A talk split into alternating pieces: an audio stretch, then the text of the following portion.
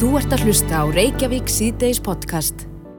Jæja, Reykjavík síðdeis heldur áfram. Við ætlum að hefja leikin í dag á uh, fréttamáli sem hefur nú vakið áhuga margra og mest lesna fréttin hansi viða. Það er þessi ættardeila, Lambeira sístina. Já, uh, Lambeira þakna ekki í hlaðvarpi. Við vakið mikla aðtikli, mikið fréttum, viðtölum, uh, já, takbörguðum viðbröðum þeirra sem eru svona kannski ásakaðir mest í málunum. Mm -hmm. En þetta náttúrulega vekur upp spurningar um uh, svona ættardeilur almennt. Eru þær aldingar en við höldum? Hann er komið til okkar Teodor Francis Birgisson, klínisku félagsrátjafi. Velkomin. Takk fyrir, takk. Er þú að fá til þín e, fólk sem er í svona kannski sveipari stöðu? Já, það er, eins og segir í ingangu, er þetta algengar en margun skildi gruna. Mm -hmm. Þetta er mjög algengt.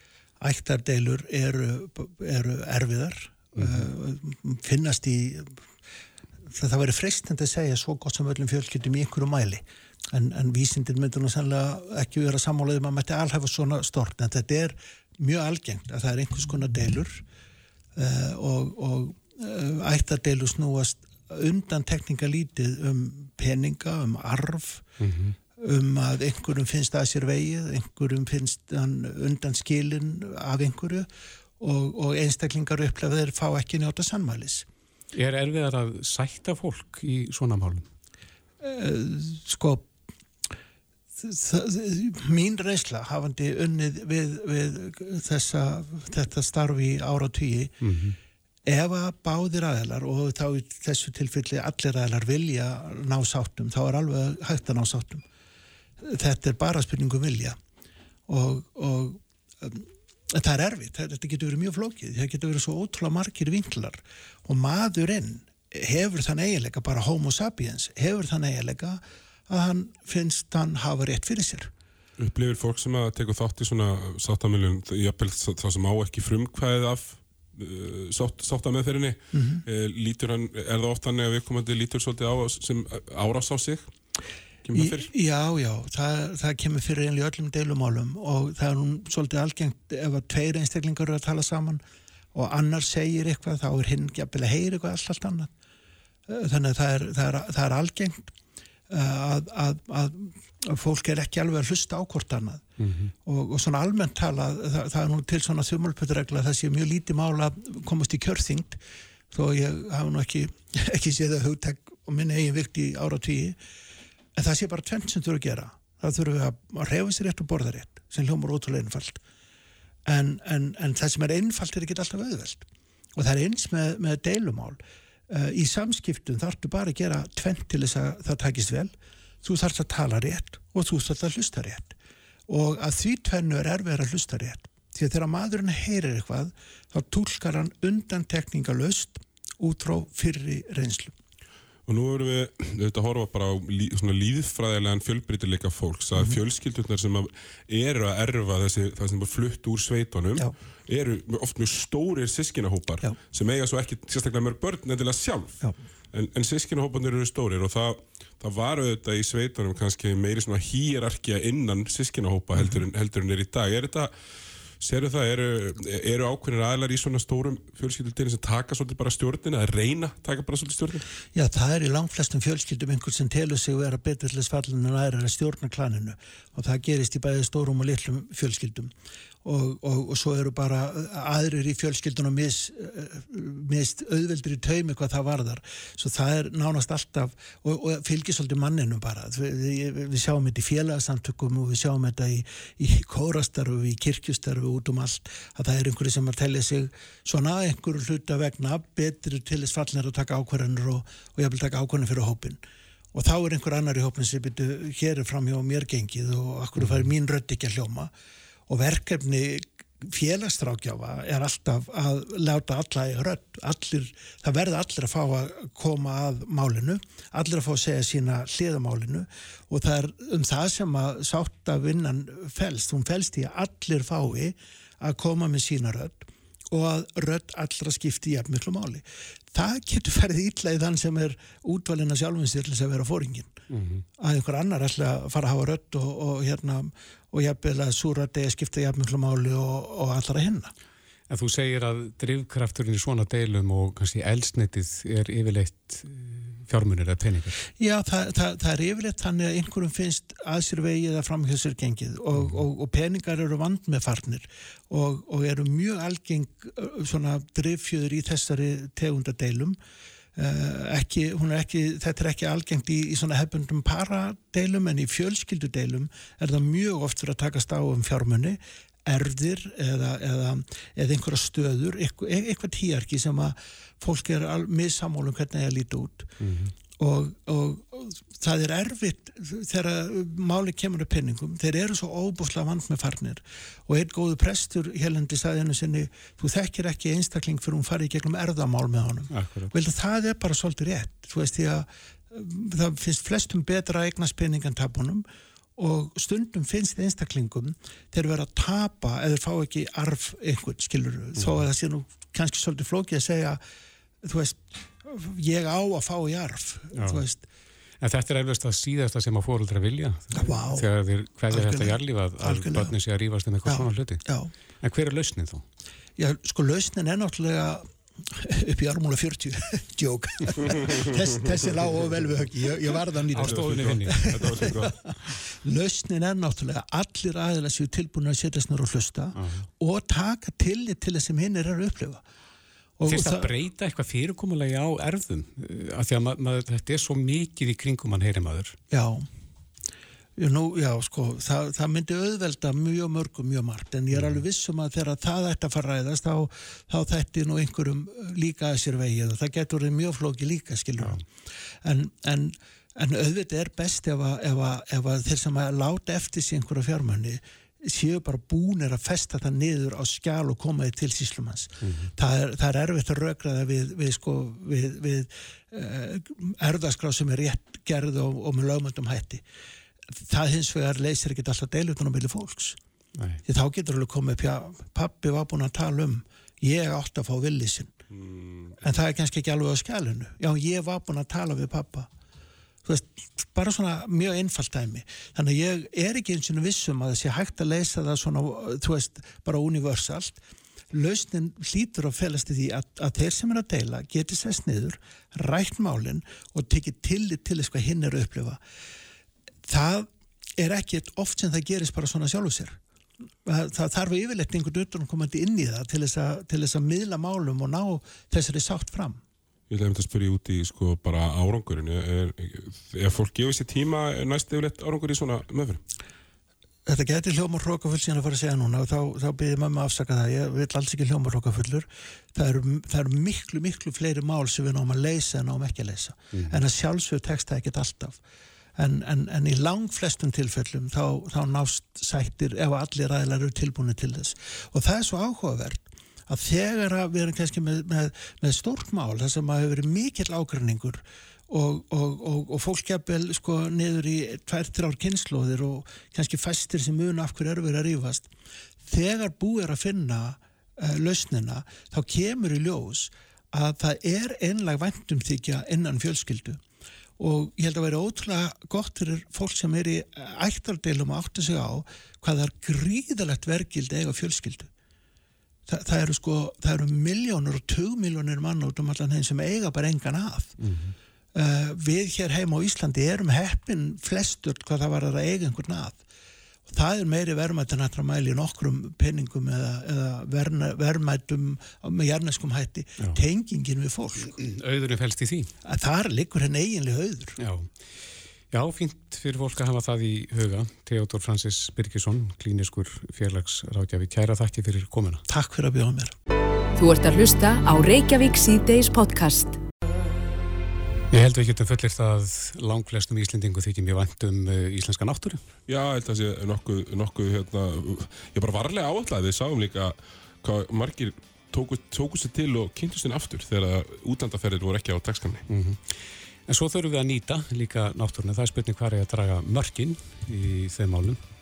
Já, er spurning hvað er að stoppa, hvað er að virkja, hvað er ekki. Við erum með eitthvað svona batteri sem heitir ramma áallun sem tekur nú yfir eitthvað svona breytingum og, og þarna eru menn ekkert og, og, og bara fólk ekkert endilega saman. Nei og hefur verið talað um það að þetta sé ágrinningstegnin hjá stjórnaflokkunum þar er sjálfstæðarflokki og vinstir krænum. Já, algjörlega og, og einmitt kvamsvirkjun var einmitt stöðuð um dag en það var ansið svona stór biti fyrir þá sem að vilja virkja mm -hmm. að kingja og við erum með já, tvo góða, einn í stúdíónu Andris Ingi Jónsson frá Pírutum þú ert í, mættur hérna í stúdíóðu, velkomin Jú, blessuð, takk og Njálf Trausti Filippsson, þú ert fyrir Norðan Já, ég er hérna heima, Akureyri. Sjálfstæðismadur, uh, velkomin í þessu umræðu félagar. Ef við byrjum að þér, Andrés, uh, hvar, hvar finnst þér línan liggja? Hvar eigum við að draga mörkin varandi nýtingu? Sko, við þurfum náttúrulega að byrja að ákvæða hvað okkur vandar mm -hmm. og það liggur ekkert fyrir. Uh, nú heyrum við svona virkjana lobby tala eins og það þurfa tvöfaldar áverkuframlýslu á Íslandi uh, og það er að tvöfalda heimsmet í rávorkuframlýslu. Ísland framlegir tvöfald meiri rávorku per mannspann en landi í öðru sæti þannig að fyrsta spurningi til að spyrja okkur er hvað þurfum við mikið og þegar við erum komið það svar sem við erum langt frá því að hafa þá getum við farið að velta fyrir okkur hvað við erum tilbúin til að leggja móti mm. af því að einmitt þegar við erum að virkja þá þurfum við að halda þessu jafnvægi á milli eh, efnagslegs ábata af rávorkunni og síðan uh, þess sem náttúran þarf að líða fyrir þetta og svo náttúrulega sem samfélagi í kring þarf að þóla mm -hmm. og það er með það sem hefur strandat aldrei í kringum kvansverkjuna því að þið nefni það að samfélagi þar er bara eh, tætt og tókað yfir þeirri virkjun áratöfum saman og það hefur aldrei verið uh, tekið almeinlega með í reyningin. Nei, njálturasti, erum við að renna eitthvað blind í sjóum með þetta eða vitum við hvað við þurfum?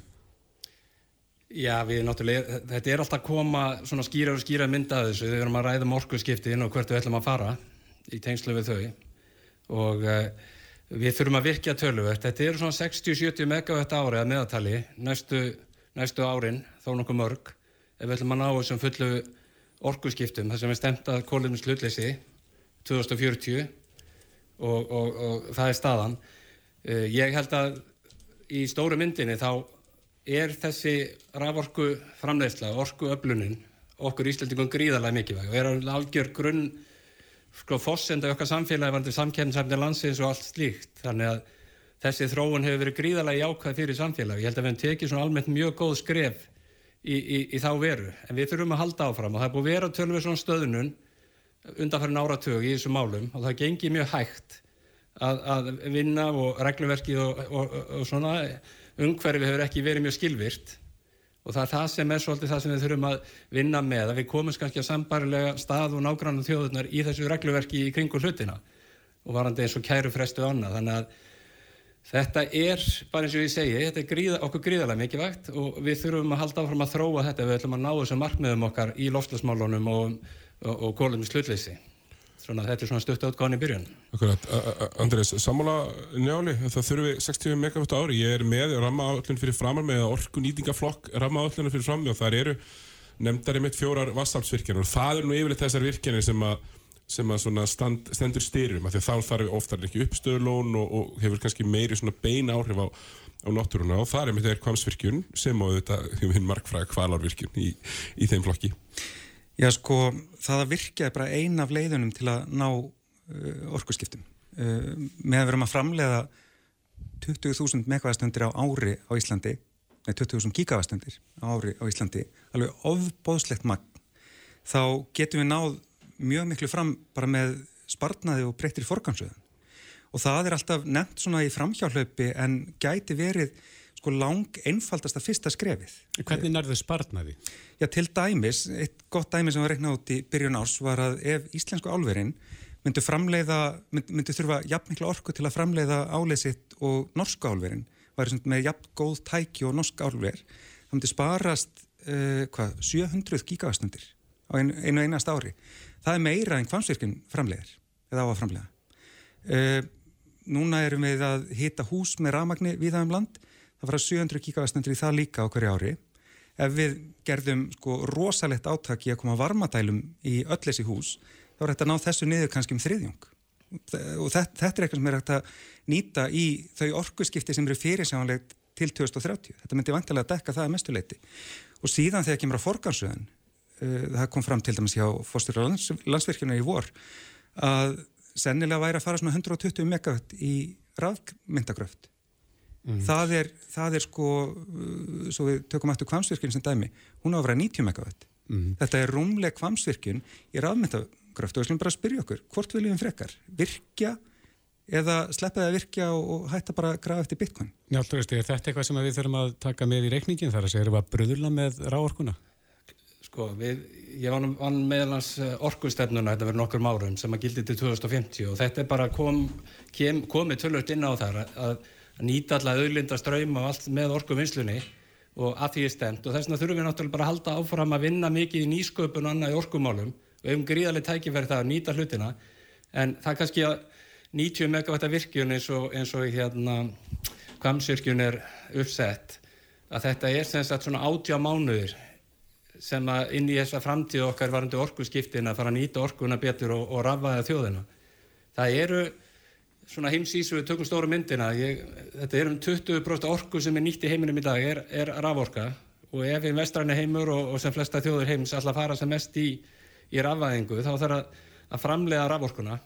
Og það er svona annar afsprengi í þessu sem að er náttúrulega flutniskerfi raforku. Og þar hafa líka verið gríðarlega vandraði með hér á Íslandi í mjög langan tíma, síðustu 10, 15, 20 árin að ná fram, uh, framgangi þar í flutniskerfinu sem er síðan stór státtur sem snýra því sem kannski Andris er að koma inn á að það er að nýta betur það að uppsetta afl í landinu í gegnum flutniskerfi þannig að ríki og land sem er að nýta sér græna orku þau þurfa á öflugu flutniskerfur af orku að halda. Þannig að Þú ert að framlega þessa grænu orku vítt og breytt eins og hérna á Íslandi. Við erum með vassafli, við jarvarmarvirkjanir, svo er mikið verið að skoða núna vindablið, hvernig það getur spila með þessari mynd og til þess að þetta gangi allt vel fyrir sig og raforkan sé vel nýtt, þá þurfum við öflug flutningskerfi. Þannig að það eru, og það hefur heldur ekki gengið alltaf vel og umræðan, pólitísku umræðan þau mál hefur alltaf, ekki alltaf verið svona á, á, á mjög góðum stað. Þannig að það er bara sem margt sem að Uh, helst í hendur og við sem samfélag sem ætlum að, og bara eins og ég segi, uh, var þetta konum til slutleysi að stefna þessu, að þá þurfum við að, að, að vera að nýta bæði orkuna vel en líka vera með þessi kerfi vel sem er áfallathóli fluttinskerir af orku sem getur á dreift og flutt orkuna vel um all landið og nýtt allt það sem er að gerast varðan þess að grænu orkuöflun. Og ég held að það sé hérna þáttur sem hefur ekki nýst nægilega vel. Mér finnst og hef lengi þótt sko að umræðan á þingi til dæmis á þessu mál er allt og takmarkuð, allt og takmarkuð og hún er oft snúist um eins og hún gerir kannski um eitthvað dægumál þann dægin og þannig er allir aðtegli en við ræðum ekki þessa stóru mynd sem að er svona algjör grundvallar þáttur fyrir okkur Íslandika og það er græn orka og rafæðing landsins og hvernig við viljum nýta, nýta hana. Er, erum við ekki stolt af, já, uh, Andris, erum við ekki stolt af grænu orkun, erum við ekki að gera þetta á réttan hátt? Ef við erum að nýta hann í eitthvað almennlegt sem er bara alls ekki alltaf raunin og það er engin trygging fyrir því að eitt einasta nýtt megavatt fari í eitthvað uh, græna framlegslu mm -hmm. og það er vandin, það, við erum að renna algjörlega blindi sem segjum að það verði byggðar uh, þessar virkjanir fyrir 60-70 megavattunum ári sem njáltrösti til að þurfi. Það er ekkert sem segir að það fari í orkuskipti. Það regluverki er ekki til staðar þannig að við erum uh, við erum bara ekki tilbúin til að, að fara þessa leið. En mér finnst nú mjög ofta þetta sko, endaljósa tal umhverfis á þeirra um orkuöflun sem lausnina á, stóru lausnina á loslasvandanum. Mm -hmm. uh, mér finnst eins og það set aldrei svona til að bara fjela það að hann og ríkistjórnin veit ekkert hvert þau eru að fara í loslasmálum. Við uh, erum til dæmis í þeirri stöðu að Íslendingar eru mjög duglegir að, að uh, innlega rafbíla, við erum í öðru stæti í heiminum varðandi nýskráningar á rafbílum en við erum að nýskrá bensín og dísilbíla bara eins og engi verið morgundagurinn á sama tíma og við erum að standa okkur vel í því að taka upp rafbíla þá erum við ekki að fækka mengandi bílunum. Og það sýnir bara að það er ekki búið að búa til kerfi sem, sem meikar sens, sem næri yfir heldamindina og þetta er bara, bara á einu litlusu og því sviði sem við erum mögulega komin lengst í að stjórnsvöld séu fyrir að gera eitthvað. Af því að þau eru á mörgum stöðum ekki eins og sko búin að reyma skonna nú myndist það á hann, svona með kannski, eh, myndist það eins á álverðin að þau getur gert þetta betur, myndi ekki þurfa alveg gríðarlega miljardar milli, á miljardar ofan fjárfestingu hjá þessum álverðin sem eru oftar en ekki með ráðarkuðsamlingar tugjar á rjápjörn fram í tíman. Jú, og... Og þetta eru auðvitað hundru að manna vinnustæðir, kannski orðunhátt að bara loka einhvern veginn. Það, það er hins vegar bara grundvallar regla í því að við séum að nálgast þennan vanda á okkur réttlátanhátt að sá sem mengar borgi fyrir það og álverinn eru að taka tvo þriðju af reynu rávorkun okkar og uh, stunda mengandi framlegslu með henni.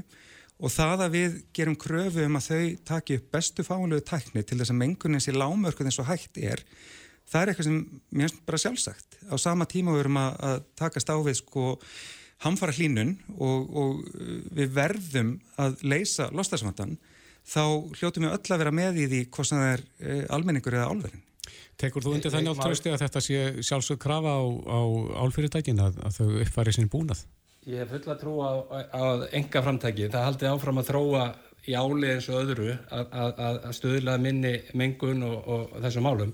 Eins að verði ég að segja það og þetta mér finnst þetta alltaf frekar þreytt.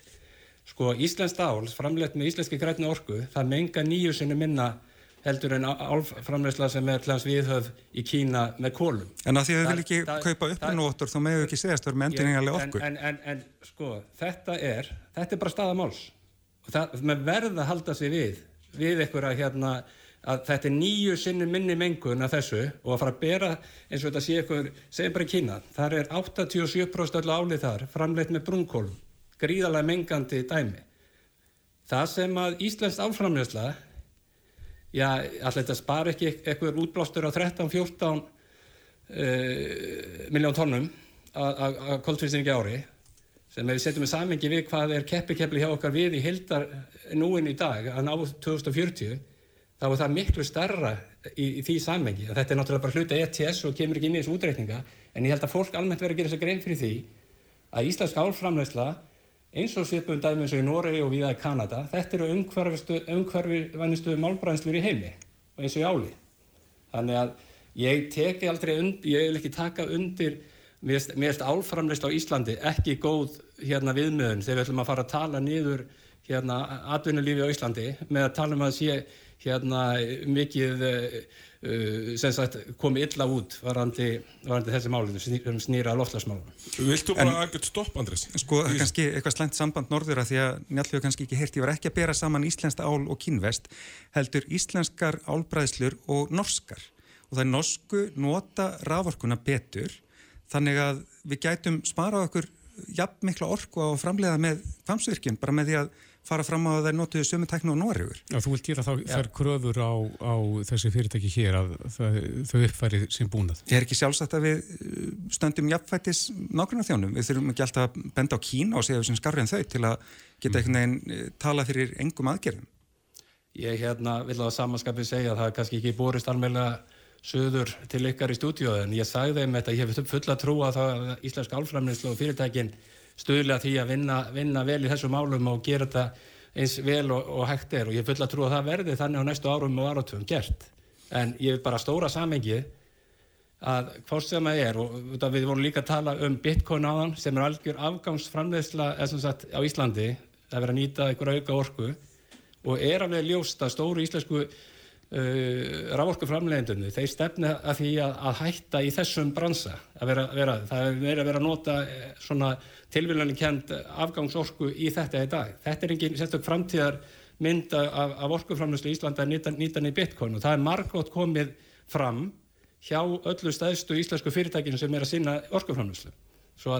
En ég er að tala um stóru myndina og ef þetta er þannig eins og við höfum skoðuðum á sín tíma í, í orkustefnunni 60-70 megawatt ári inn í þess að þróun til að ná þessum orku skiptu sem við stefnum að þá er kvantvirkjun uh, átjámanir uh, það sem var að gera þeistareikjum það sem að landsvirkjun er núna að vinna 45 megawatt í næsta áfanga þá er það nýju mánuðir. Mm -hmm. ég er að sína fram á hvað þetta er að fást við og síðan erum við að, að ég held að það er fundist að slæmt hvað við höfum verið lélega að, skoða málinn vandi vindorkuna hvernig við ætlum að spila þetta allt saman Þannig að það verður erfitt að fara í þessu orkuskipti og í þessu stóru mynd nefn að fá okkur svör í það, hvernig þetta getur spilað saman vassafli sérstaklega og, og, og vindorkan. Er, er þessi, en, rétt aðeins í lokin njáttúrasti, er þessi ríkistjórn líklega til þess að ná samstöðum um það að, að auka framlegslega á raforku þetta mittið eins og þarf? Ég, eh, hún mætti, já, ég, ég held að við, mann getur náð samkominuð um það, en, en allt helst þetta í hendur, raforku framlegslega, flutniskerri raforku og þessi þættir í stóru myndinni en við þurfum sjálfsagt að skoða eitthvað eins og kom, ég kom fram á inn á áðan varandi það sem kemur fram í orkustefnunni til 2050 þar sem talað er um að, að við þurfum að nálgast nákvæmna ríkin okkar í lagasetningu og regluverkinu kringum þessar hluti. Þannig að það virðist bara að vera þannig að það tekur allt miklu lengri tíma að ná niðurstöðu hluti. Við þurfum að bæta okkur þar. Það, það hefur verið högt á þessum málum núna undanfærin ár þó sem að sjá alveg áfanga og sérstaklega eru að sjást ákveð merki og styrkingu á flutniskerri raforku sem er gríðarlega mikilvægt í þessum, í þessum málum en Ég ætlaði rétt að vona að það næstu tvö ári nýtist í, í þetta í, í ríkistöndum samstarfum. Mér langar svolítið að spyrja út í orkusskipti hljómar ofta eins og það sem er, þú eru afsakið í sletti, svona buzzword, svona auðvöld að kasta því fram og það hljómar í ákvætt. Mm. En er, er ég ætlaðanlegt, byrjum bara þegar Andrés og kannski Njálf fær bara sömu spurningu að, að við séum að niðurgreiða rafbíla þetta mikið eins og þessum við gerum í dag? Það þarf að trappa það niður en það þarf líka að að sko, sína á spilin varandi það að við ætlum í alveg að fasa út bensínbílum. Ríkistjónin með, með eitthvað planum að það gerist 2030 sem er allt og sent eh, það þarf að gýra upp gjöld af þeim þannig að fólk bara sjáu og nota þann pening til þess að niðugreiða græna samgöngum á þetta, ekki bara rafbíla heldur líka, almenn samgöngur og, og annað sem hjálpa fólk að komast um milli staða uh, og síðan þarf bara innan skams að bara taka plásturinn af og banna nýskráningar á bensínbílum og við bara finnum út í því hvernig við eh, skipilökum samfélagið út frá því. Einmitt, hvað með það njáll, er, erum við að flytja alltaf mikið af bensínbílum? Sko, ég vil bara segja um þetta, ég, ég held að, að, að sala til þessu ári að, að í nýjum bílum, alltaf sé ekki 50-60% eða bíla herri eru ramaspíla. 29% það sem aðver ári, Já, það er ekki mikið. Nei, en það er samt umtalsvert og svo skulum við ekki... Já, tvei þriðju nota þá eitthvað í jarðarnælsniti sem er allt og mikið 2023. Andrés, Andrés, reyndur að vera þá jákvæðar yfir því hvað þú búið að gera. Þannig að þú sagði það sjálfur á þetta og ennum landum með tvö heiminum og við hefum bara búið að ganga... Og það er að fjölga bensínbílum njálf. Að fjölga því að þeim áður að fækka. Já, já, en svo getum við haldið áfram. Bensínbíl núna eða dísibíl núna er ekki sama á dísibíl eða bensínbíl fyrir einhverjum árum síðan. En við erum að taka bara góðar ákvarðanir og þetta gengur ágætlega. Það sem maður þarf að gera er að, er að halda áfram að byggja upp innviðina sem að snúa alltaf hlæðslustöðunum, vítt og breytt. Mm -hmm. og, og eins og norðustur hotninu og við erum að raforkuflutningan og við erum að tala um það. Nú er ég að stýra hópið þar varðandi uppbyggingu langanisbyggð, möguleg friðlýsing, en það er eitthvað orkumál á mjög slæmum stað og hamla allir aðvinu uppbyggingu, samkjæmstændi svæði sem sé slæm vegna þess. Við eigum svona svæði á Íslandi þar sem við þurfum að gera miklu, miklu betur en horfum á stóru myndina en við erum ekki alltaf að horfa á eitthvað svona afmörkuð nýtsi af, af stóru myndinni. Stóra myndinni þessi, hér þarf að virkja að meðatali 60-70 megawatt á ári, væntalega næstu 15-20 árin til þess að halda í átt af því sem við viljum sjá Já. gera en bara, við verðum að sjá svo það sé sagt þessi 60-70 megawatt sem njálfur alltaf að tala um Já. þetta er uppblásna talan frá virkjanaloppiðinu sem er ekki komið neðustada í. Nei. Komist ekki að samverðinni stöðu hér í þessu spjalli eh, að sinni í það minnst að er ekki? Einmitt, Njálf Trausti Fríkarsson Sástæðismæður og Andri Singi Jónsson þingmaður Pírata, kæra þætti fyrir spjallið. Takk fyrir komin að Þetta er Reykjavík C-Days podcast Facebook-grúpur svona íbúagrúpur hafa verið að loga svolítið undanfarið út af já, háfaða frá flugumferð eða þyrtlumferð mm -hmm. Já, já, það hefur verið fjallan þetta meðlans í fréttum stöða 2 og rætt við Íbúa þarna í nákvæmlega við flugullin. Nákvæmlega og nú var uh, borgasturinn okkar, Dagur B. ekkert svona, allavega minn, ég býr ekki ekki, hann mm -hmm. hérna, hann uh, var viðraðið myndur um að færa þessast styrluflögið eitthvað, hvað tala um, Holmsheiði jafnvel, allavega út fyrir borgarmerkin, til að minka ónæði. Þetta er auðvitað svona ákveðin árstíðabundin svibla þegar það kemur eldgóðs, þá verður auðvitað markvöld umferð. Mm -hmm. og á línunni er hann Birgir Omar Haraldsson frangatastjórin Norðurflugs. Uh, Takk fyrir að taka síman Já, takk okkur samanleðis Byrjum kannski bara hérna. Uh, ferðir að góðsynu er ekki bara rjúkandi business í gangi? Uh, það hefur náttúrulega hrist aldilis upp í eftirspörninni þegar að kemur góðs í bakgarðinu hjá þér. Mm -hmm. það segir sér sjálf en það er náttúrulega eins og þú varst að segja. Það fenn náttúrulega aldrei saman núna alveg einstök veður blíða og við skulum ekki gleyma því að sko ég held ég minna það rétt að sólríkasti mánuður, sólríkasti júli var 1979 mm -hmm. og mér skilast að vandi kannski 5 eða 7 tíma upp á það að þetta, þessi júli og þessu ári 2023 verði sólríkasti mánuður frá upphæðið mælinga uh, þannig að þetta hefur áhrif á það að það er ekkit mikið af afbókunum á þyrluferðum eins og var 2022. Nei, en eh, hvað er það að fara margar ferðir að meðaltali við dagi núna? það er óskaplega mismunandi. Við erum náttúrulega og vorum fyrir gósið bókaðir í mjög ja, margskonarferðir, þannig að það er mjög mismunandi eftir því svona milli daga hvað við erum bókaðið mikið á gósið. Mm, það er alltaf gama þegar að, alltaf gama þegar að fyrirtækjum gengur vel og þeir eru vantilega að fara á aðra slóðir heldur en bara, bara góðslóðir en, en þú heyrir þessar gaggrínisrattir frá íbúum í nágruninu? Uh, að sjálfsögðu heyrum við þessar gaggrínisrattir og okkur þykir þetta bara leiðilegt sko. Við getum alltaf bara voða lítið gert í þessu. Mm -hmm. Við ráðum ekki uh, að og fráflugs sko, stefnu eða aðflugi inn á Reykjavík hlugall og við erum bara svona háðir bara mjög miklu reglugerðar umhverfi sem við getum ekki breytt. En, en við okkur þykir bara mjög miður uh, þessi háaði sem að er að gerast þessa dagana. En góðsíðan nú kannski verða búið og þá dregur úr þessu aftur. Ég veldi fyrir mér svona hvernig þetta virkar? Í mann fyrir hérna áriða tveimur þá voru þið að minnast á að, að þið væru kannski í smá vandraði með landeigundum sem vildu taka hansi mikil göld eru þið að lenda? Hjá góðstöðunum, eru þið bara að fljú yfir? Við erum bara að fljúa yfir uh, núna. Er það þessum ástæðum að þessi, þessi fyrirhuga að hjálta það? Það er, það er nú, það er nú reyndar af svona, svona, svona tæknilugum aðstæðum, sko, ástæðum. Uh, það er náttúrulega alls konar, sko, hérna, séum, það er alls konar efni sem náttúrulega falla nýður hérna í kring og góðstæðunar mm -hmm. og svo þegar við komum og lendum og þyrlum þessu upp, uh, þá er til dæmis brennisteinnin í þessu, ekki sérstaklega gott fyrir þyrla að vera í svona umhverfi. Já, akkurat. En þessar hugmyndir eh, Dags B. Edgerssona sem hann hefur verið að færa flugið upp á Holmseiði? Ekkert að móti að skoða það. Nei. Nei, þeir, þeir eru ekki, ekki bara bundnir við að vera hann nýri í miðbæ?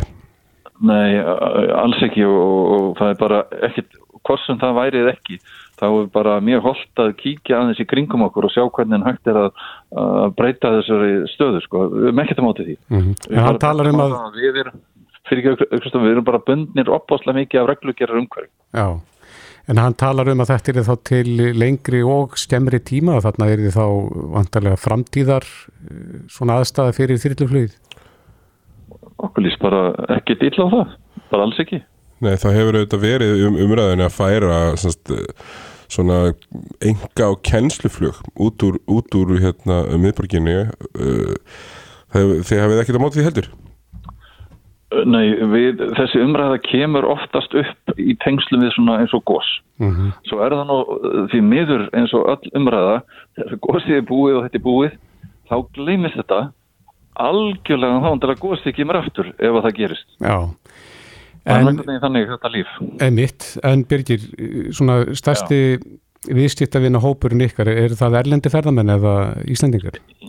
Lang, í núna á þessu ári er þetta meira af útlendingum heldur en Íslandingum. Í fyrra var rosalega mikið Íslandingum. Já. Og 2021 líka. Hvað tekur flugi langan tíma frá því að tekja þér að stað og lenda aftur?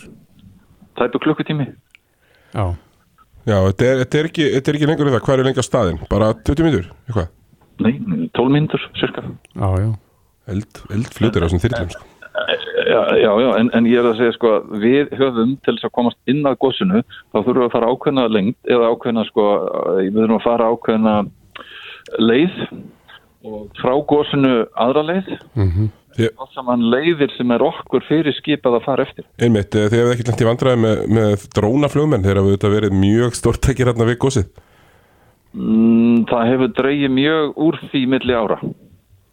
Einmitt, ég er, ég, mér var mjög hugsið tölðið sko því að þið viljið náttúrulega fljúa ekkert allt og allt og allt og hátt til þess að fólk geti náð ná svona góðri, góðri yfirlitsmynd eh, og dróna, drónar er orðinir mjög almenn eign bara, mikið fólki á, á, á svona græðu.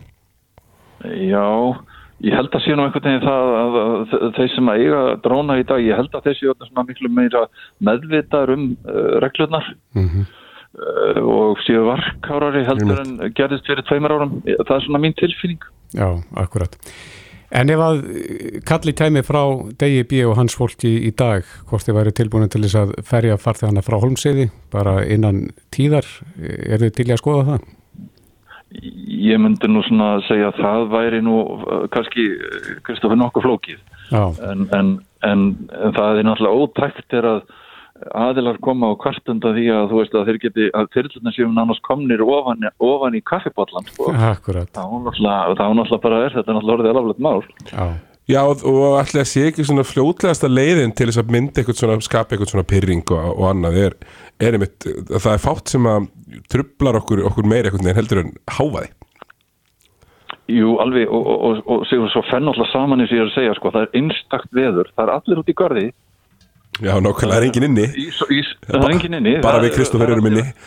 Það er bara þið tveir, þannig sem er inni, sko, og ég, allir inn úti. Já. og er náttúrulega að reyna að eiga góða stund í, eh, hérna, með sinni fjölskyld og við skiljum þetta 100% Já, ekkit, En við getum bara ekkert gert í þessu máli Nei, skiljanlega. En e, það hefur verið mikil umræða, kannski rétt aðeins í blálógin um e, orkustiftin og nú er flugi, þess að flugvilarnar orðnar, ja, farnar að ganga fyrir ramagni. Hvað, hvað með þyrlluna? Er, Ég held að það verði seint. Er það? Engin, Ég held að það verði seint. Engin ramagstækni svona í sjónmáli varandi þyrllur? Nei, ég hef grunum að það þurfi þá að gerast einhver sko meiri háttar breyting í gerð uh, á raflöðum sem slíkar sko. Við fyrirtlur erum náttúrulega þetta er náttúrulega náttúrulega svo svona viftur sko, hálkirðar sko. Mm -hmm. þannig að það er þurfa að vera léttar og uh, svo sem eins, eins og alla flugvölar ég held að það sé lengra í það heldur en á venjulugum flugvölar Já, akkurat Birgir Ómar Haraldsson, frangvandastjóri Norðurflugs kæra þakki fyrir spjallið og gangi ykkur áfram vel að, að ferja túrist upp á gósi Herru, takk okkur báðum fyrir, takk. Bless, bless. Bless. Þetta er Reykjavík C-Days podcast. Inni á vísi.is er að finna skoðanapistil í dag eh, sem að ber fyrir sögnuna er ég upp á punt og það er Kolbrún Áslögu Baldurstóttir.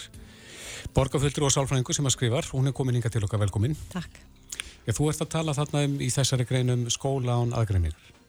Já, ég er búin að tala ansi mikið um þetta máli í gegnum tíðina og áður en ég var borgarfylltrúi þá var ég auðvitað sem sálfræðingur meðal annars tíu ár skólasálfræðingur mm -hmm. þannig að ég þekkert, ég var heilsugjöldsálfræðingur líka, ég þekkert að frá svo mörgum sjónarhólum, bæði líka bara með því að tala við foreldrana og, og ræða við börn sem líður illa og þessi skólan aðgreiningar er alveg falleg og yndislega hugsun, þetta viljum við hafa alla saman og enginn er að þurfa að finna sig eitthvað öðruvísi en annar þarf að segja já, hafi sumu tækifæri og til félagslegra samskipta og náms og allt hvaðina en við vitum það nú orðið alveg að skólan aðgreiningar stendur ekki undir nafni því að eh, til þess að þetta sé hægt þá þarf að vera þetta fagfólk, nægilegt fagfólk til staðar til að sinna þörfum allara barna og aðstæður og gera þetta þá þannig að þau börn sem eru með sértækar uh, þarfir sagt, og, og hvort sem það er vitsmun og þroska vanda eða annars konar föllun sem gerir þeim erfitt að vera inn í almennu bekk fái það sem þau raunverulega þurfa í þessum skóla án aðgreiningar.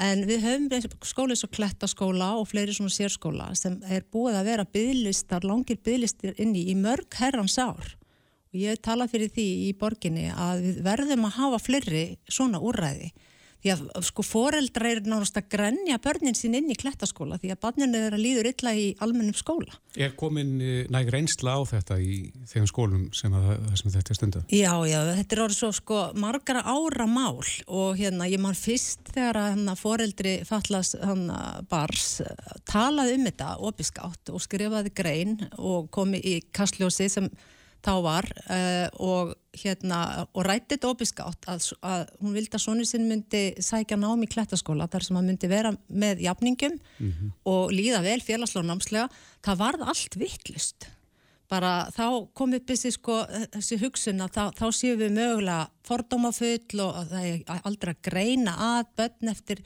eftir þörfum og getu en við þurfum þá að geta haft þetta þannig að þau séu að fá þörfum sínum fullnægt í þessum skóla án aðgreiningar og uh, þannig er það ekki í dag. Er það ekki þannig í dag? Hversu, hversu mikið vantar upp á að þínum öndi uh, já, til þess að það veri hægt að láta þetta ganga upp? Það vantar fyrst og fremst bara alls konar fagfólk sem þessi börn þurfa að hafa sem eru náttúrulega með stuðningsfulltrú inn í bekk en alls ekkert allir. Þetta er allt spurningum að fá fagfólk, það eru sálfræðingar og það eru uh, bara fleiri tegundir af fagfólki sem að er að hjálpa börnum með sértækan vanda.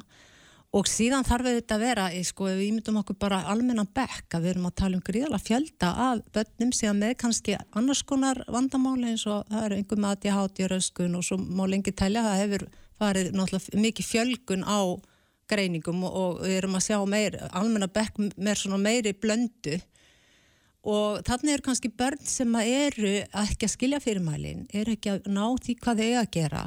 Þau eru svona jáðarsett, þau eru ekki að ná að eignast vini auðveldlega og jável enga vini, þeim jável stríkt og, og þessum börnum bara, þeim kvíður fyrir að fara í skólan og skólaforðunar vandamálinn, þeim, þeim hefur líka fjölgað. Þannig að, þannig að þessum hópur ekki greiðu gerður með, með þessum Nei og það er vaksandi hópur um eitt foreldra sem eru að tala með þessum hætti og það er ekki lengur núna allt verður allt vittlust þegar maður talar um þetta svo var hérna um, um, um árið. Núna eru bara æfleiri foreldra og það er alltaf einhver mál sem að mér berast sem borgarfulltur í minni hluta þar sem ég er beðin fyrir um að, að tala um þetta og bæði að sé fleiri úræði í heimaskólanum en líka að við höfum fleiri úræði eins og klettaskóla sem er, er mjög vel hefnað úræði. Við erum með fleiri svona skóla til hér á landinu sem ekki er endilega í Reykjavík. En þarna þarf að vera líka fjölbreytni nægileg til þess að foreldri sem það ekki barni sitt best getur svolítið sagt, þetta er það sem mitt barn þarf til þess að líða vel. Svona námskrá, svona félagskap og tækifæri til þess að stunda þessar íþróttir eða hvað eina helst náttúrulega svona samfelt á skóladag sem við öllum vorustum eftir að fá einhvern tíman þannig að ég vil líka hlusta meira á foreldrarna en foreldrarna hafa bara voru lítið um þetta að segja. Uh, Hafur hefur þú talað um þetta lengi? Já, ég er búin að tala um þetta mjög lengi. Áður en ég var borgarfulltrún sem ég er búin að vera núna í fimm ár, rúmla Þannig að þetta var alveg málefni sem við vorum að skoða og ég þá sem skólasálfræðingur líka var sjá, sá bara sjálf þegar að barn var í almennu brekk og var ætlast til þess að það reyndi að gera eitthvað því sem að var að skeða þarna, kannski háaði, það er, það er áreiti, það er kannski eitt kennari að reyna að gera sitt besta og þarna inni var kannski einhverju týndir einstaklingar sem voru ekki að skilja og ekki alveg að vita út á hvað þetta gekk og hvað því að fara í skóla. Hver eru, já, hver eru mitt afliðingarnar að því þegar, þegar þetta klikkar? Fyrir þessi börn er það bara niðurbrott, minna, því að við veitum alls sjálf ef að þið værið að koma hér til vinnu á bylgjuna, fymtaða vikunar, þar sem að þið vissu ekki hvað þetta gera og værið ekki að skilja fyrirmælinn og værið að klúðra, eitthvað væri strít ef það væri hægt að, að ímynda sér það, þá getið ímynda ykkur hvernig ykkur liði að við erum að tala um fymtaða vikunar, þetta er skólinn. Var hluti af ástæðinu fyrir því að farið þetta fyrirkomulag peningasparnar? Sparar þetta fyrirkomulag? Já, ég, það, það gerir það alveg klárlega, það kostar auðvitað að hérna, hafa mikið að sérdeldum sérskólum og, og hérna annað anna slíkt, auðvitað kostar það, þetta náttúrulega getur rétt ímyndis að ég held samt að, að hugsunin hafi verið meira bara að við erum bara öll, við erum öll eins, en við erum bara ekki öll eins, við erum bara ólík en við erum alveg jafn góð fyrir það og við þurfum að geta fundið til okkar hvar sem við erum. Þannig ég vil eiginlega nánast ekki trúa að þið hafi verið eitthvað svona hugsun já til þess að eða nú ekki á miklum peningum þá skulle við bara setja alla undir sama hattin Já, ég, þannig frekar var þetta falli hugsun já. svona að baki en, en virkar illa í praksis þínum að því Já, fyrir, sum, fyrir þessi börn sem eru, eru sem sagt þarna og líður ekki vel, finnst það ekki vera með jafningum, er ekki að geta fundið til sín er ekki að geta fundið sér vera svona bara geta skara fram úr uh, bera sér sama við aðra og er ekki alveg að skilja hvað hana, allir er að gera hvað, hvað er það sem okkur var sagt að gera þau eru bara að finna að þau eru ekki að, að, þetta passa þarna inn En hver er þá lausni? Ég vil að við fjölgum úrræðum fyrir þennan hóp og gefum foreldrum líka meiri hlustun að hvað, hvað barnið er að þarf og við þurfum þá að hafa tilbúið sem sagt bæði vil ég, ég er búin að leggja til að við búum til annan svona klettaskóla og eins stækkum brúarskóla en ég meina þetta eru þetta bara núna eitthvað sem að hérna maður vil samt ekki gleyma að tala um þetta og við verðum að huga að þessu og við verðum einhvern veginn á meðan að það vantar úræði fyrir þessi börn og þau eru ekki heldur að fá þau kannski nægilega í heimaskólanum. Þá verðum við líka að hlúa að þeim einhvern veginn og hugsa bara hvernig eru þau að koma, koma frá degi til dags út úr þessu og og alltaf finnst mér vanta að við hérna hlustu meira á hvað fóröldrar segja. Heyru meira, gerum kannanir, ánægi kannum viðhorskannan meðal þeirra, minnst það alltaf koma síðast. Það er búið að ræða við alla aðra, starfsfólk og kennara og guðum að vita, en minnst svo oft ekki vera að tala við fóröldrarna. Eru er lang, Afsaki, en eru langir byggistar á í þessu skóla? Já, það er langir byggistar í skóla og hérna og það er ekki, og það er byggistar svo sem í all, alla þjónustu fyrir börn í Reykjavík og ég hef nú svo sem oft talað um sálfræðingarna en nú býða 2500 börn eftir að fá sálfræð og talmenni þjónustu í skólanum en þeir voru 400 2018 þegar ég byrjaði borginni Þannig að þetta er alveg nánast næstum hugsamæður erum við búin að tapa þessu bara eða ætlum við að fara að gera eitthvað í þessu. Mm. Hefur ekki stöðning í borgarstjórn? Nei, ég tala um þetta nánast vikulega þegar við erum á fulli mm. og hérna, ég hérna, það er allir samála mér og ég heyri meiri hlutan segja, segir alveg þetta er mjög leiðilegt að sé svona og við viljum reyna að laga þetta og svo sagt að vantar sálfræðinga en, en síðan bara sé ég þessa tölur bara á þessa fjölgun verða. Ég fylgist með þessu bara einn á vefsíðu borgarinnar, ég get alltaf séð statistíkina þar. Þannig að þar er ég búin að horfa alltaf á þessu sömu tölu, hann að hækka, þannig að hvað var þar að býða eftir sálfræðastöld. Mm -hmm. En síðan er líka bara þessir spyðlistarinn í þess að sérskóla og sérdiltir og, hérna, og á meðan hugsa ég bara, hvernig liður börnunum? Eru við, eru við að passa upp á þau? Eru við að fylgjast með þeim? Eru þau kannski komin bara heim og segja ég ég vil ekki fara í skólan, ég er kort er bara þar upp á punt. Hefur þið fengið viðbröð við greininni? Já, ég fæ alltaf viðbröð við þessum máli. Þetta er það viðkvæmt mál og það eru það svona fjölgandi hópur sem að vil fara að gera eitthvað í þessum málum og svona það er alltaf einhver viðbröð en svo inn á milli þetta eru bara önnur mál og, en ég vil ekki hætta að tala um þetta. Nei, mér er okkar að spyrja þess að það eru bara svona pólitíkusinn Kolbrún Nún ertu í minni hluta í, í sveitastjórn, það er í borgastjórn.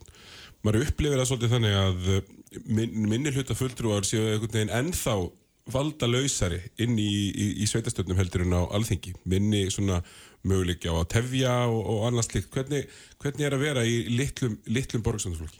Við erum algjörlega valda laus í minni hlutunum í Reykjavík.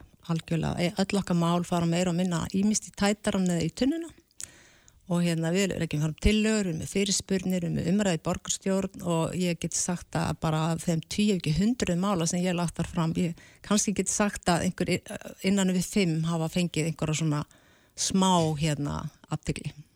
Og borgarmeira hlutin heldur vel saman? Borgarmeira hlutin, já, virðist bara halda mjög vel saman. Og þetta, þetta verður aldrei þannig að hann eitthvað fellur, við erum ekki að sjá það eins og ríkistjóðin mögulega fellur á alþengi ég man ekki eftirbeinlist að það hafi þannig gerst en það hefur ju verið þannig reyfingar mm -hmm. inn úr meiri hlutunum og, og út úr honum, inn og út. En, en við verðum bara til næstu kostningum og það er eftir þrjú ári í borginni. Já Og hægt að lesa pistilinn þinn inni á vísi.is, það er undir skoðun. Kolbrún Baldurstóttir, Sálfræðingur og Borgaföldrúi, kæra þakki fyrir komina. Reykjavík síðdeis á Bilginni podcast. Jæja, þættinum berastundum uh, bref og fyrirspurnir. Já, heldur betur, hans hefur margar mér að segja. Já, en e, það er einn hlustandi sem að var að velta fyrir sér e, þessum flokkunamálum. Það er lögum mikið meiri áhersla flokkun í dag heldur en oft áður. Já. En hann spurði hvort það var ekki hægt að merkja umbúður þannig að neytandin, hann vissi í hvaða tunnu hver hlutur á að fara. Jú, mér finnst það svolítið góð pæling, sko, sérstaklega í ljósið þess að það er orðin rosalega svona lítill áferðamunur á sömu plasti og sömu pappa sem er einhvern veginn mm -hmm. klættur og svo ertu með svona álþinnuna innan á sumstaðar og maður, ég veit ekki hvað hvað. Já, en það er spurning hvort að þeir hjá Sorpu séu búinir að skoða þessi máleik og hvort að þessar mertingar vel komnar. Gunnar Dóri Ólásson, samskipt á þróunastjóri á Sorpu, er komið til okkar, velkomin. Takk fyrir. Hvað segir þú, er, er þessi hugmynd, hún, er fín hjá mjög, þessum neytanda að það sé að merkja þetta þannig að það fara ekkert að milli mála, þú mm -hmm. heldur bara á einhverjum hlut í, í hendinni mm -hmm. og hann er annarkort mertur plast eða pappi. Mm -hmm. Og það, það hérna, ég held að þessi, þessi ágætti sendandi ætti að skella sér í krónuna og kíkja til dæmis á vörur frá First Price sem að fást þar að því þar, sem eru skandinaviskara uppruna, því þar er byrjað að merkja þetta með þessum sömu merkjum og mhm. eru á tunnum hjá núna bráðum öllum heimilum á höfuborgarsvæðinu og suðunisum. Þannig að þetta er komið? Þetta er, þetta er byrjað, skulum mm. við segja. Er þetta, þetta sambarilegar merkingar þannig að það verður auðvelta að þannig að séu ekki hvert fyrirtæki með svona sitt lúk á þessu? Já, þetta eru, þetta eru, það er svo gaman að geta sagt sko, hérna samnorrænar merkingar án þess að vera grínast, mhm. en þetta eru samnorrænar merkingar upprunar meira segja allarleið úr, úr Evrópusambandinu mm. og þetta er, þetta er sama merkikerfið í grunninn yfir alla Skandinavíu, þá svo að séu svona, það er blæbrið að munur á þessu en, en maður með svona þokkalegt tekju því að þá svo að liturinn sé rauður en það mynd af póka þá er það plast mm -hmm.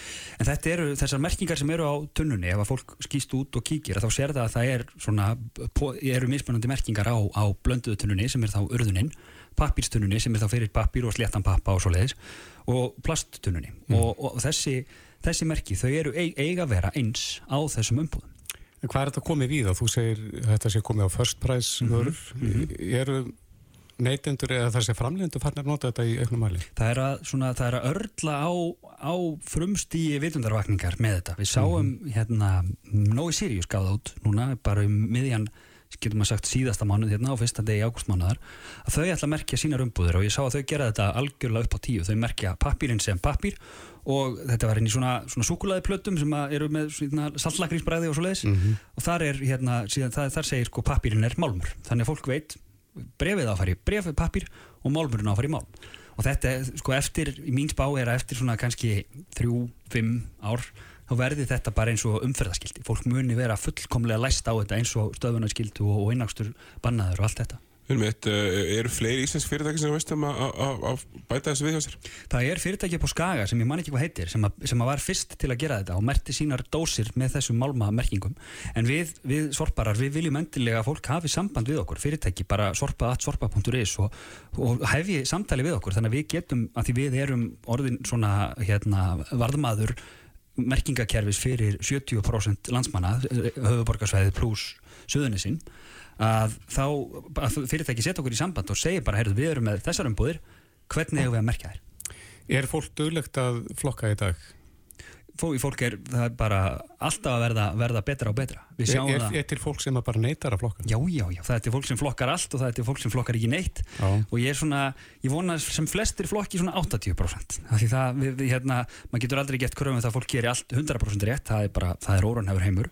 En, en, en, en það er bara, ef, ef allir gera sitt besta í þessu og, og leitar sér svona hæfilega mikill upplýsingar til þess að koma hluturum á réttan stað þá erum við í góðum málum. Nú, nú hafa verið upplýsuna hugmyndir í, í bara á um, umræðum sem ég hef séð á bæði Facebook og, og, og, og X að hérna Já, Twitter sálega að hérna nú erum við með gríðarlegt magt fólks í skamtímalegu núna í sumar mm -hmm. mikið að ferðamennum, mm -hmm. mikið að ferðamennum á hótelum mm -hmm. og maður þekkir hann bara sjálfur á ferðarlegi, maður, er hættir til að já, ég vil ekki að segja, vera kærilausir í þessum málum, Akkurat. er það ekki bara staðan hérna líka? Jújú, jú, og þar, þar kemur einmitt þetta, þessi, sko Ruslabransin er ekki, þetta er ekki nákvæmnisvísindi, þetta er, við, erum að, við erum öll að reyna að gera okkar besta í þessu og nálgast þetta eins vel og við getum. Og það verða, það, það mun alltaf eitthvað fara úr skeiðis og eitthvað vera, vera rámt gert, við þurfum bara að bara mæta því eins og það er. Og maður sér eftir fyrir sig sko 15 fermetra hótelherbyggi mm -hmm. að hótelegandin vil kannski ekki setja 5 tunnur þar inn Nei, til að taka pláss og hvað þá, hvað þá lífarrænt inn á, á hótelherbyggi og ég, ég þekk ekki hvernig hérna, hvernig fyrirtækin díla við þetta en, en það er sama krafa á engaðila og það er á heimili að flokka í fjóra flokka í rauninni undir eldurforskinum og það á þá kannski meira við um eins og kaffestofana hérna á Suðlandsbrutinni eða, mm -hmm. eða eitthvað svoleiðis. Að það sé að leggja, leggja þessa kröfu á, á ykkur en ekki endilega, endilega hótelgæsti Er þetta flokkað aftur þegar þetta kemur til ykkar?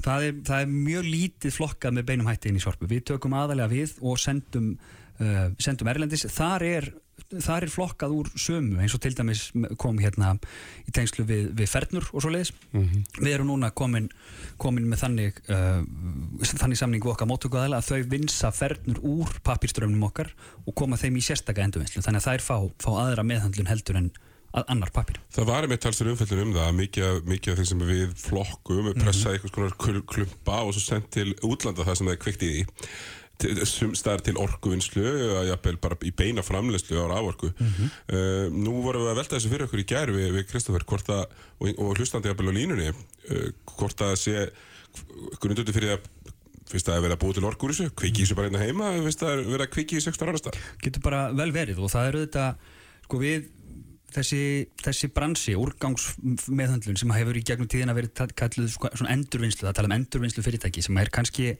sko endurvinnsla hefur verið nótuð sem svona, svona catch-all hugtak fyrir þennan bransa er kannski ekki alveg rétt því það hefur alveg svona, svona lagarlega merkingu sem er mm -hmm. þá mhm. nýtinga ákveðinu, hrá, ákveðinu hráöfni í annað hráefni þannig að það, það, er, það er betra að tala um þetta sem kannski sko, úrgangsbransa eins og segir pressaði klumpa á svo leiðis Hlut, sko, stór hluti af því sem að framleiðendur setja á markað er ekki endurvinnanlegt bara, bara stór, ef þú tekur plast og, og splæsi saman þreymur mismunandi tegundum af plasti það plast verður ekki endurunnið og það er ekki sorpa sem ákveða það og það er ekki almenningu sem ákveða það. Það er, það er hönnuður og framleiðendur sem ákveða það. Þannig að endurvinnsluferðli hefst löngu áður en að hlutinni koma til okkar. Mm -hmm. og það að brenna þá til að búa til orku er getur verið bara reynilega það skásta sem hún getur gert. En uppsetning á, á brennslu hérna heima getur bara verið mjög spennandi kostur. Já, þessi hlustandi sem að ringdi í gæðin, hann talaði mitt um köldusvæðin, það sem Já. er kannski lítið um raforku. Akkurat. Hvort það væri hægt að nýta þá brunnan í að Akkurat. hitta. Og, og þetta, þetta hefur verið skoðað og, og það, hérna, við rekum okkur ofta á Ísland er, er afskaplega stort og viðfæmt land með mm -hmm. fáu fólki. Þannig að, þannig að við horfum þegar, þegar, þegar uppbygging á sorpubrænslu er til, til skoðunar, þá er því hún alltaf í, um, í nákrenni við upprunastað megnsins af úrganginum. Þannig að hún erði á suðvesturhóttinu Þa, það, væri, það væri æra úrstöðan að keira hérna 20.000 tonna af röstli á vestfjörði Já, sérstaklega kannski ljósa þess að við erum bara með eitt kerfi. Allra rafmagn fyrir bara til allra Akkurat, akkurat, akkurat. Mm. Ég heyrði hugmyndir um að svona í þessari þróun hvað var þar sorpið að það stæði til að fara að vikta það sem kemur frá okkur. Já. Er, er, er það í einhverju ferli á einhver svo skoðun að, að að það sé eitthvað skonar vok við bílana þegar þeir koma að ná í sorpið? Það er, það er klárlega ein hugsanleg framtíð inn í, í það sem við erum að horfa núna. Við auðvitað viktum allt sem að kemur inn til okkar hvort sem það er inn í mótök og flokkunastöðuna í Guðurnesi eða urðunastæðin upp í Álsnesi. Þannig mm -hmm. við, við vitum hvað þetta þungt er að þetta kemur í ruslabílnum en við vitum í sjálf og sér ekkert frá hvaða húsnúmeri í ruslabílnum hvað, hvað, hvert kíló kemur. En erum við að skoða þessa leið að þetta verði þá viktað bara fyrir utan hús, húsin hjá fólki? Já, það er, er einn ein möguleiki en svo leið sem að, og þetta er hluti af svona kannski, kannski stærra samtali sem að, sem að er, er það sem heitir á, á alveg hræðilega miklu fræðimáli borga þegar hendir. Þetta er, mm. er pay as you throw upp á góða útlenskum.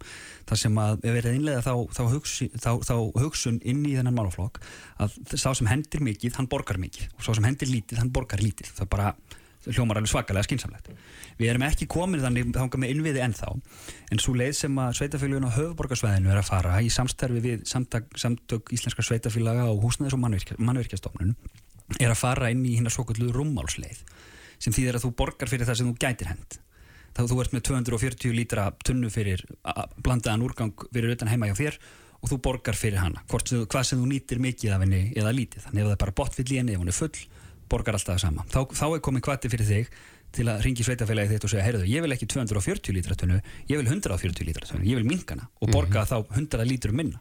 Þannig að þetta, þetta er það skref sem við getum farið algjörlega án þess að kaupa bíla með viktar og svo leiðis og, og, og, og gert með tiltrúlega einföldum hætti samt flókið, það, það, er, það, er, verist svona, það er mjög, mjög fátt í þessum bransa sem er, er algjörlega eins og maður eins og það veriðist vera þegar maður horfur á það í upphæfi en þetta er svo leið sem er verið að fara og þetta er hluti af þeim lögum sem tóku gildi núnum áramóti það verður að rukka það, verður, það má ekki lengur jafna kostnaði við röstl á hvert heimili. Þú mátt gera það helming kostnaðarins í næstu ár.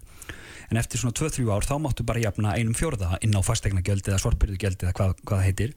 75% þarf að vera hægt að lokalisera niður á eitthvað Og, og því er það ekki dauða, endalega dauða ruslarennunar til að byrja með? Já, hann væri, sko, það væri, væri óskandi ef hún væri lungu búin að, búin að gefa upp öndina. Það var, það, það var svona með því fyrsta sem ég gerði þegar ég flutti á nýjan stað, það var að sem ég við húsfélagið bara að fá að líma fyrir hana. Hún mm. er, hún er, hún er, þetta er svona, þetta er svona, svona 60's, 70's þæginda uppfinning sem að fólk kannski hugsaði ekki alveg til enda fyrir utan að hún er sko hún er stór hættuleg þegar ef það kveiknar í hæðir. Þetta er besta leiðin fyrir eld til að berast á milli hæða. Mm -hmm. Nákvæmlega. Myrkilega áhugaverð. Þessi ruslamál, Kristófer, þau eru með þeim áhugaverði. Já, kannin og hola. Og greinilega mikil þróun í gangið þarna. Alveg svakaleg. Það eru Gunnar Dóri Ólásson frá uh, Sorpu, samskipt og þróunastöri. Takk fyrir komuna í Reykjavík síðdeis. Takk fyrir mig. Hlustaðu hvena sem er á Reykjavík síðdeis podcast.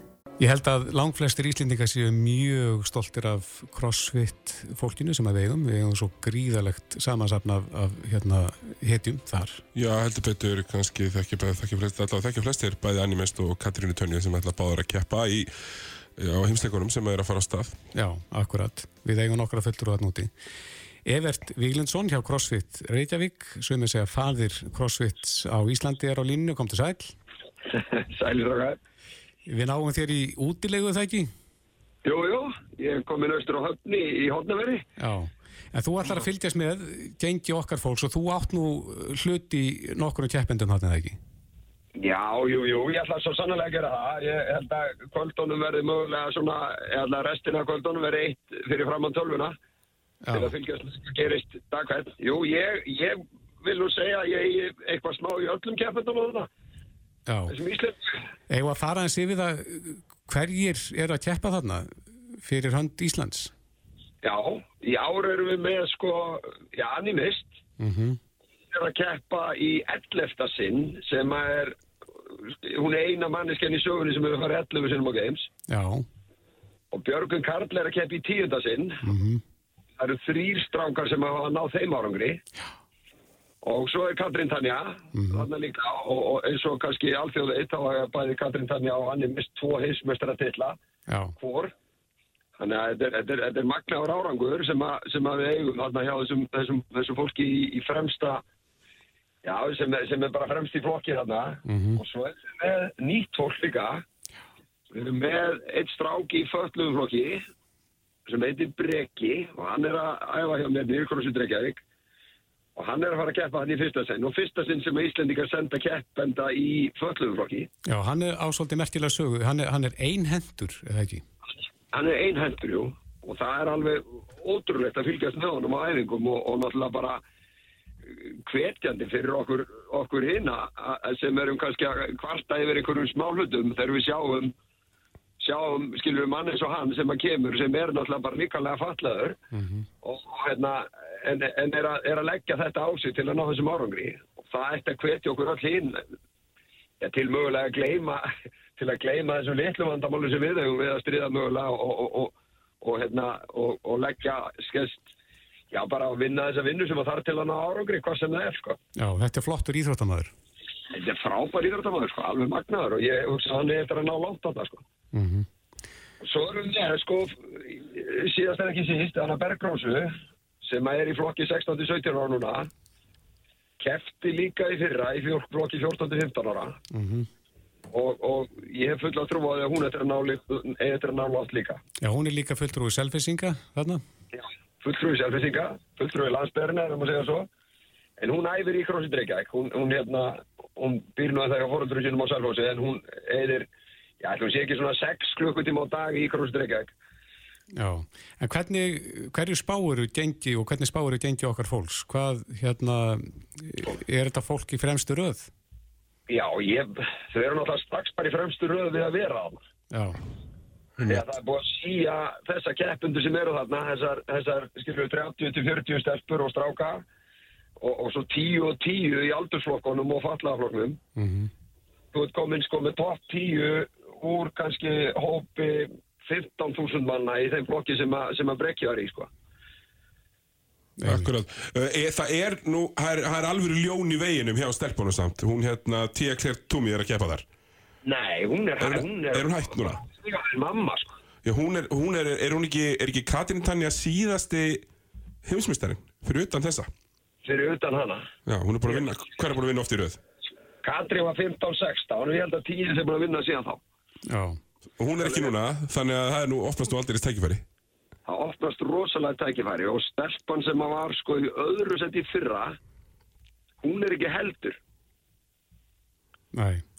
ung stelpa sem heitir, heitir Malou Bryan sem er held í 18 ára og hún, hún svona, hann var talað um að hún myndi vinna í ár en hún sæði sig úr keppni fyrir réttum þremur mánuðum síðan. Já, þannig að þetta eru tvö stór ljón þarna úr veginum.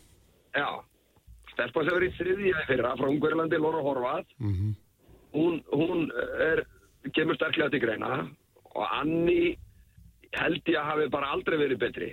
Hún segir það sjálf, bara ekki, bara, bara ég talaði hennar rétt ára hún fór út og hún segir það sjálf að henni líður bara mjög vel, hún er heil og, og hefur líklega aldrei verið betri. Nei. Er sama uppsetning á þessu núna og áður eða eh, liggur fyrir hvaða þrautir verða þarna í gefninni? Sko, það sé, ég, ég kíkti í síman í morgun þegar ég vaknaði og þá var búið að gefa upp einhverjar fjórar eða fimm þrautir.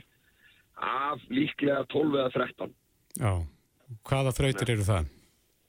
Eh, Þá er búið að gefa út fyrsta þrautin þú veist að hjóla í 40 mínútur eins langt og þú kemst á fjallahjóli. Mm Uh, næsta þraut þá varst að velta svona, það, heitir, það er kallað svínið þetta er eins og stór ískampur að vegur einhvern 200-300 kíló þetta er svona eins og að veltast þungu dekki. Já, velta því, gera svo fullt af uppbyggingum og, og, og tæri slá og, og, hérna, og, svo, og kasta boltum og svo aftur tilbaka. Þannig að það er búið að gefa út nokkra svona greinar.